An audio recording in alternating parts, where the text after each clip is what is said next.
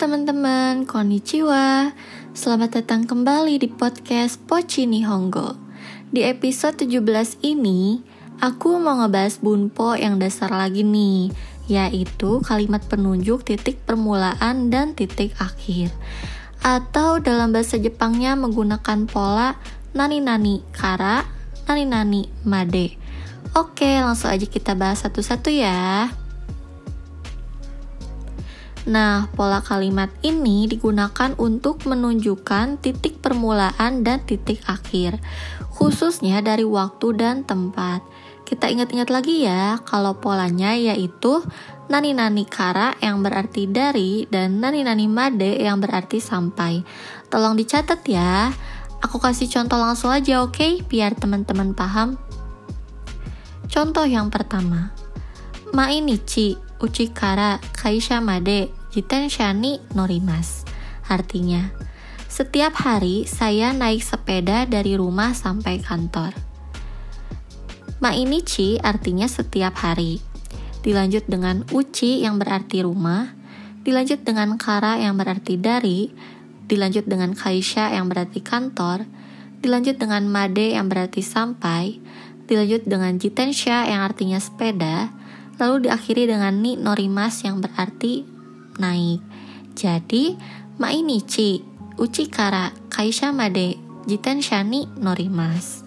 Setiap hari saya naik sepeda dari rumah sampai kantor.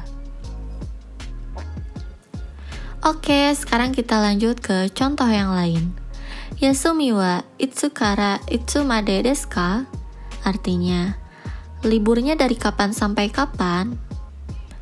Yasumi artinya libur, dilanjut dengan partikel wa, dilanjut dengan itsu yang artinya kapan, dilanjut dengan kara yang artinya dari, dilanjut lagi dengan itsu yang artinya kapan, dilanjut dengan made yang artinya sampai, dan diakhiri dengan deska untuk menandakan bahwa kalimat tersebut adalah kalimat tanya.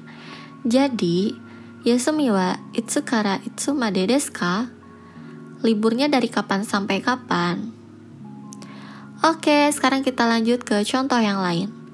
Gozen kuji kara gogo goji made hatarakimas. Artinya, saya bekerja dari pagi jam 9 sampai sore jam 5. Gozen kuji artinya jam 9 pagi. Lalu dilanjut dengan kara yang artinya dari.